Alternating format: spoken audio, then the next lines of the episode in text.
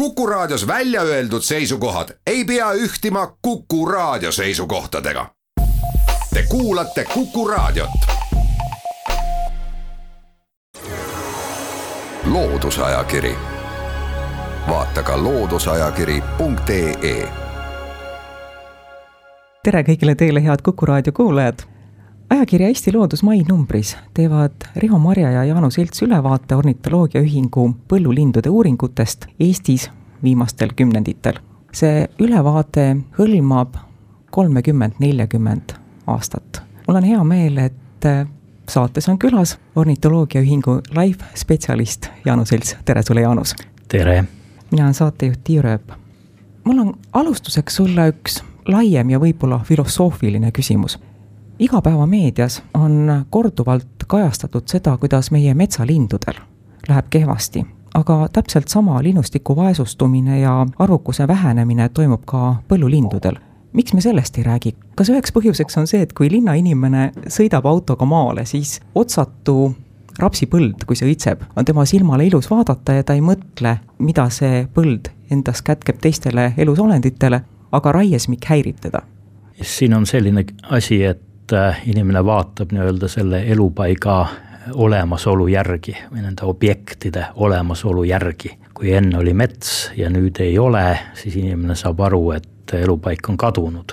kui äh, enne oli põld ja praegu on ka põld, mis siis, et see on hoopis teistsugune põld kui näiteks viiskümmend aastat tagasi, siis sellest inimene nii hästi enam aru ei saa ehk siis, et talle tundub, et põld on põld ja see on midagi palju stabiilsemat, kui on mets, kus toimuvad sellised järsud muudatused. tegelikult äh, üldiselt või keskmiselt need muudatused on just nimelt põllul palju kiiremad kui metsas, sellepärast et äh, enamusel põllumaast iga aasta kultuur vahetub, ehk siis hakkab jälle selline nulltsüklist elu peale rohumaad kestavad kauem, aga tänapäevase põllumajanduspoliitika juures isegi üks tõsine rohumaa ei tohi üle viie aasta kesta. nii et see tsükkel, kuidas elupaik muutub, on põllumaal palju kiirem kui ma ütlesin, et põllulindude probleemid ei jõua meediasse, siis võib-olla üks asi, mille kajastamine oli küllalt aktiivne, aga see oli ka kakskümmend aastat tagasi. see oli kampaania, kui seletati õigem on öelda, kutsuti üles rohu- ja põllumaid niitma nii, et linnupoegadel ja ka jänkupoegadel mingigi ellujäämislootus oleks. kuidas sulle tundub, kas see üleskutse on praeguseks kinnistunud, on ta vilja kandnud? noh, nii ja naa, selles mõttes, et oleks ju tore arvata, et äh, midagi räägiti ja siis inimesed hakkasid teistmoodi tegema. reaalsus on paraku see, et Äh, niitmise stiilis, ehk siis see, et kas seestpoolt väljapoole või väljapoolt sissepoole, ega selles väga midagi muutunud ei ole.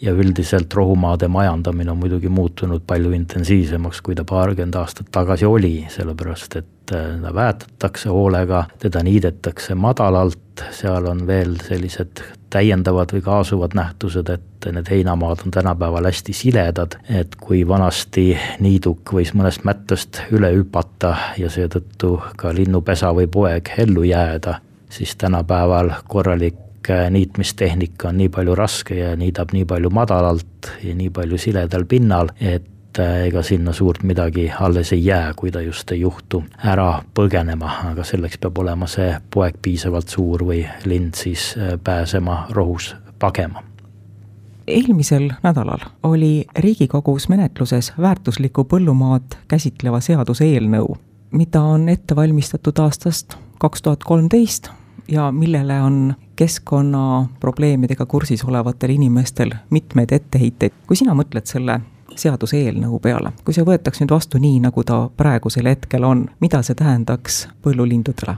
noh, mind valdab õudus, ütlen ma selle kohta, midagi nii tobedat äh, riigi tasandil vastu võtta on äh, ikka saatanast küll. asi on selles, et äh, just nimelt need asjad, mille vastu justkui see eelnõu on, see tähendab, et siis taastataks maastikuelemente või rikutaks seda sihukest ilusat suurt ruutkilomeetrite suurust põllulappi. see on just see, mille pärast me mures oleme, mis on toimunud meie maadel.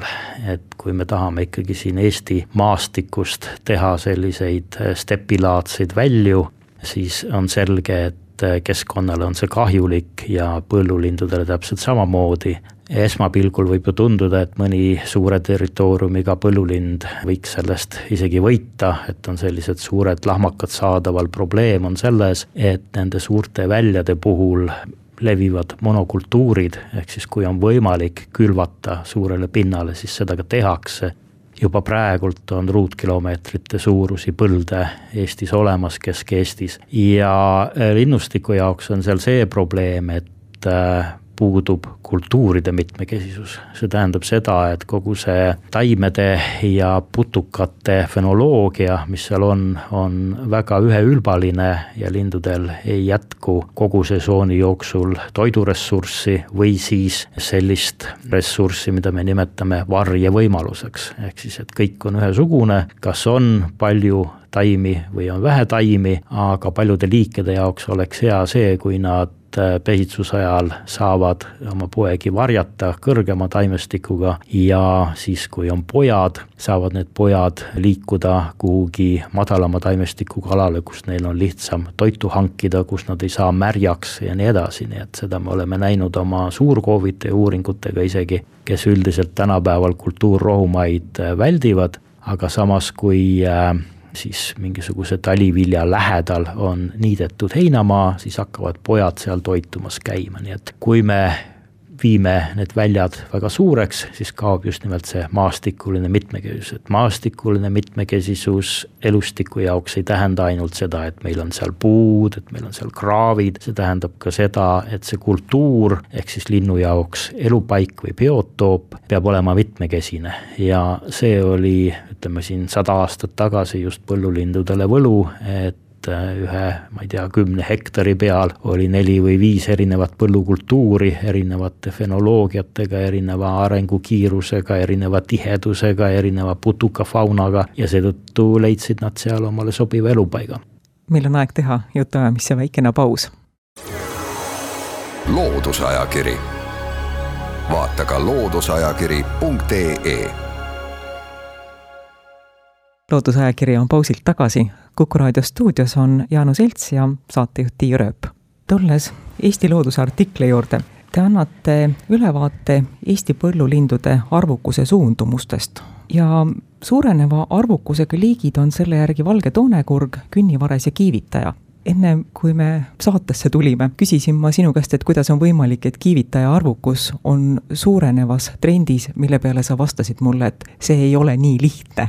miks ei ole nii lihtne? Jah, asi on selles, et äh, me neid äh, otsuseid, õigemini seal artiklis ju ka näitame seda, mida riik näitab välja nende põllulindude indeksite puhul äh, kõik sõltub valimist, ehk siis sellest, milliste andmete alusel me neid indekseid koostame. ja kiivitaja on kindlasti selline lind, kes on äh, levinud klassikalises põllumajandusmaastikus, ehk siis suurte väljade peal, eelistab ta tänapäeval suviviljas pesitseda, kuid ta kasutab elupaigana ka näiteks rannaniite, isegi suurematel saartel võib teda kohata, rabades ja kui me nüüd äh, teeme omale sellise valimi, kus meil on üksjagu radasid, millel linde loendatakse, näiteks looduskaitse all olevatel rannaniitudel, kus äh, neid niite spetsiaalselt majandatakse ja seal arvukus tõuseb, siis sõltuvalt valimi suurusest hakkavad need tulemused mõjutama ülejäänud pilti. Ja Kiivite ilmselt on üks selline näide, kelle puhul on probleem selles, et seal valimis on liiga palju selliseid ülihäid kiivitajaalasid ja samas ei esinda see kogu meie põllumaad, et te tegelikult Eestis ka ringi sõites võite tähele panna, et päris suurtel aladel ei kohta te kas üldse kiivitajat või näete ainult mõnda üksikut, nii et äh, seetõttu tõepoolest see, et äh, indeksid näitavad arvukuse tõusu, me seda looduses üldjuhul tähele ei pane. peale selle on muidugi küsimus ka selles, et äh, ütleme kuskil kümme aastat tagasi tõepoolest üks selline kiirem arvukuse tõus, mida me ka põldudel näiteks nägime, aset leidis, aga tänaseks päevaks on see juba läbi saanud see, et äh, põllumajandusmaid majandatakse teistmoodi kui aastakümneid tagasi, see peaks olema ka põllumajandusest kaugemal olevale inimesele hoomatav. See, et agrokeemia kasutamine mõjutab näiteks putukate elu, sellest on väga palju räägitud, samamoodi ta mõjutab ka lindude elu, aga sellest, et põllulinde mõjutab ka kisklus see võib-olla on üks aspekt, millest nii palju ei ole räägitud. kes on need loomad ja ka linnud, kes mõjutavad põllulinde? jah, loomulikult on lindudel terve hulk äh, vaenlasi, osade vaenlaste puhul me teame, et inimene neid lausa ravib, ehk siis vaktsineerib, eks ole seejuures on täiesti läbi mõtlemata, et mis siis juhtub, kui me metsloomad terveks ravime, et kui nende arvukus hakkab kiirelt kasvama. Kogu see rebaste armee vajab ju toitu ja selleks ei ole ainult hiired ja hiirevaestel aastatel ei jäägi neid muud üle, kui otsida maas pesitsevate lindude pesi.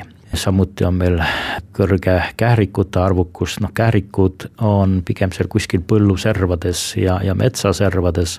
Samuti põllulindudele on tõsiseks vaenlaseks metsnugised, mõnel pool kivinugised, tuhkrud, loomulikult hallvares, ronk, kui pesa juurde satub valgetoonekurg, siis tema sööb sealt nii munad kui pojad. Ja kuni siis muidugi röövlindudeni välja, nii et et, et tegelikult mõnel pool peetakse loorkulle näiteks eh, isegi suurkoovitaja puhul tõsiseks ohuks, et nad kipuvad poegi sööma, nii et eh, loomulikult on see liikide hulk päris suur, aga ma ütleks, et kõige hullemad selles mõttes on ikkagi rebased, sest nad on eh, targad loomad, nad on väga hea haistmismeelega ja nad lihtsalt nuuskivad need pesad välja ja nendel ei ole vahet, kas need on pojad või need on äh, munad ja nad on võimelised ka pesalt vanalinde püüdma lootes tuua meie vestlusesse helgeid noote, küsin ma järgmiseks sinu käest,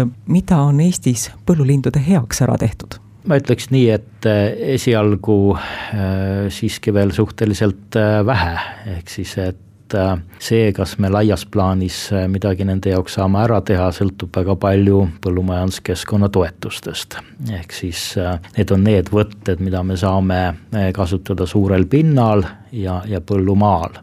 seal on nüüd muidugi see küsimus, et kogu meie põllumajandus on tänapäeval väga politiseeritud ja loomulikult see huvi, et kuhu suunata toetusi, ei ole mitte keskkond, vaid ikka see, et põllumeestel paremini läheks ja kunagi ei maksa ära unustada, et põhimõtteliselt põllumajandustoetuste eesmärk ongi põllumeestele tagada sissetulek nii et kogu see jutt sellest, kuidas tarbijatel peaks elu paremaks minema, kui me rohkem toetusi maksame, on pehmelt öeldes naeruväärne. aga see asi on veel keerulisem, sellepärast et põhiline elurikkus on tegelikult põlluservades ja nii liigiline kui ka isendite koguarv, nii et see, kas me suudame seal põlluservades midagi ära teha, on tegelikult võtmeküsimus. loomulikult on ka keset põldu mitmeid liike ja need on need tüüpilised põllulinnud, kiivitaja, suurkoovitaja, seal käib tihti ka nurmkana,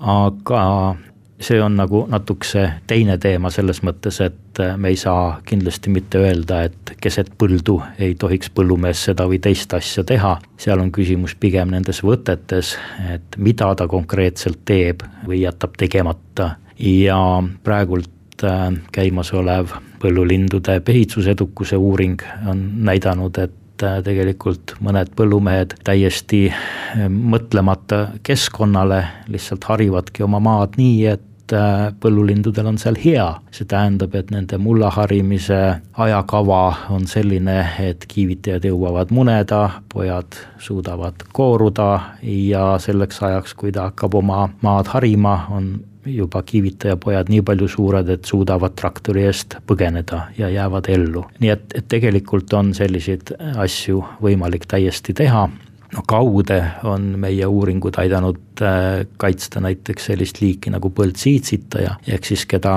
kaua aega Prantsusmaal söödi. Ja üks peamine argument äh, miks mitte seda traditsioonilist jahti lõpetada, oli see, et väideti, et põhiline osa põltsiitsitajaid, kes seal taldrikule jõuab, on pärit Venemaalt ja Venemaal on populatsioon väga arvukas. noh, Venemaa andmetega on nagu on, et ma mäletan, et kui nad andsid ühe arvukuse ja siis äh, viie aasta pärast järgmise arvukuse hinnangu, siis oli sealt järsku miljon põldsiitsetaja paari ära kadunud. ma ei kritiseeri neid, sest tegemist on väga suure alaga, kus ongi väga raske uuringuid läbi viia, kus on ornitoloogia vähe, aga meie uuring, kus me muuhulgas ka tegime geenianalüüse, näitas, et äh, tegelikult põhiline osa, kes seal Prantsusmaal taldrikule jõudis, olid tegelikult Baltikumist ja Skandinaaviast, kus selle liigi seis on just nimelt kehva. ja meie uuringud aitasid äh, tegelikult sellele jahile lõpp teha, et huvitav oli see, et põhiline finantseering tuli Prantsuse jahimeestelt ja nad olid siiski nõus aktsepteerima meie tulemusi selle aasta märtsis te panite GPS-saatjaid nurmkanadele. kuidas läheb nurmkanal sada ja kuidas läheb küllul? ja need on kaks väga toredat ähm, tegelast, sellepärast et äh, nad püüti küll erinevatel päevadel, aga nad elasid talvel ühes äh, salgas ja kuna tegemist on sellise linnuga, kes äh, palju veedab aega sellistes äh, nii-öelda avalikes kohtades, mitte kuskil põõsavarjus, siis need päikesepatareid töötavad suurepäraselt, akud on täis ja meil on võimalik koguda andmeid viieminutilise täpsusega. Ja need andmed näitavad, et äh, linnud tunnevad ennast väga hästi ja külastavad peamiselt siis neid kohti, mida nii-öelda PRIA klassifikatsiooni järgi nimetatakse mittetootlikeks aladeks. ehk siis äh, kõik see, mida tootjate maadelt tahetakse välja lõigata, need on need kraaviservad, mingid pajustikud, põllu keskel olevate metsatukkade servad, see on kõik see, mis on tüüpiline nurmkana elupaik me lõpetame tänaseks saate. Saatejuht Tiia Rööp tänab külalist, Eesti Ornitoloogiaühingu LIFE programmi spetsialisti, aitäh, Jaanu Selts, stuudiosse tulemast, aitäh jutuajamise eest! kes tahavad enamat informatsiooni saada selle kohta, kuidas läheb Eestis põllulindudel, soovitame ajakirja Eesti Loodus maikuu numbrit. aitäh kuulamast, jälle kuulmiseni! loodusajakiri, vaata ka looduseajakiri.ee